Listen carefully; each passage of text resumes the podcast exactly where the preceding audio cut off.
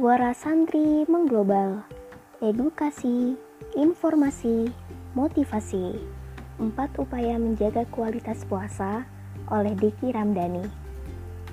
Dalam banyak literatur tasawuf, termasuk di antaranya kitab Ihya Ulumuddin karya Imam Al-Ghazali, dijelaskan bahwa tingkatan orang yang berpuasa terbagi menjadi tiga, umum, khusus, dan sangat khusus.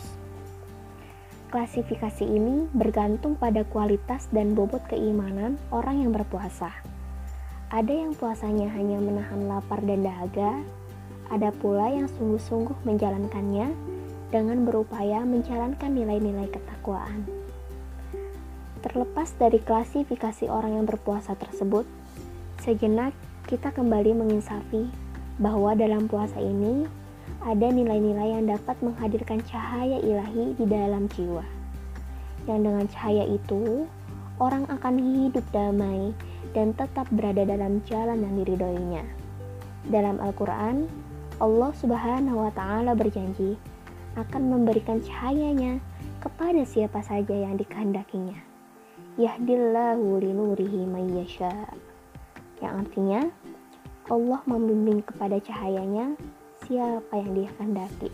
Quran Surat An-Nur ayat 35 agar termasuk kepada orang-orang yang dikehendaki oleh Allah Subhanahu wa taala untuk mendapatkan cahayanya. Perlu adanya upaya-upaya yang harus dilakukan oleh seorang hamba yang dalam dunia tasawuf biasa disebut mujahadah. Antara lain dengan melakukan empat hal ini. Yang pertama, uzlah atau menyendiri yang dimaksud dengan kata ini adalah berpaling dari hal-hal yang buruk dan tidak bermanfaat.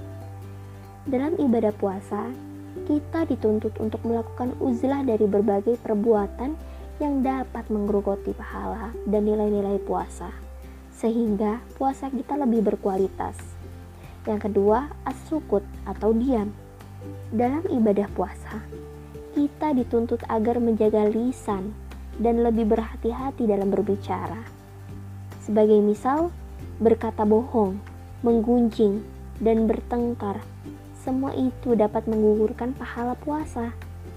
Yang ketiga, asar atau bangun malam. Di bulan Ramadan ini, kita juga dididik agar terbiasa bangun malam. Antara lain, bangun di waktu sahur. Dalam surat Az-Zariyat ayat 18 dijelaskan, bahwa di antara ciri orang yang bertakwa itu adalah mereka yang senantiasa beristighfar di waktu sahur. Yang keempat, alju atau lapar.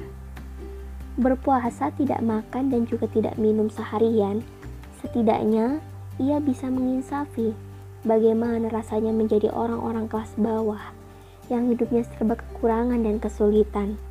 Dengan lapar dan dahaga, itu diharapkan dapat terbangun rasa kepedulian terhadap sesama. Demikian empat upaya menjaga kualitas puasa. Semoga ibadah kita selalu ada dalam ridhonya. Demikian podcast episode kali ini. Saatnya santri mengglobal. thank you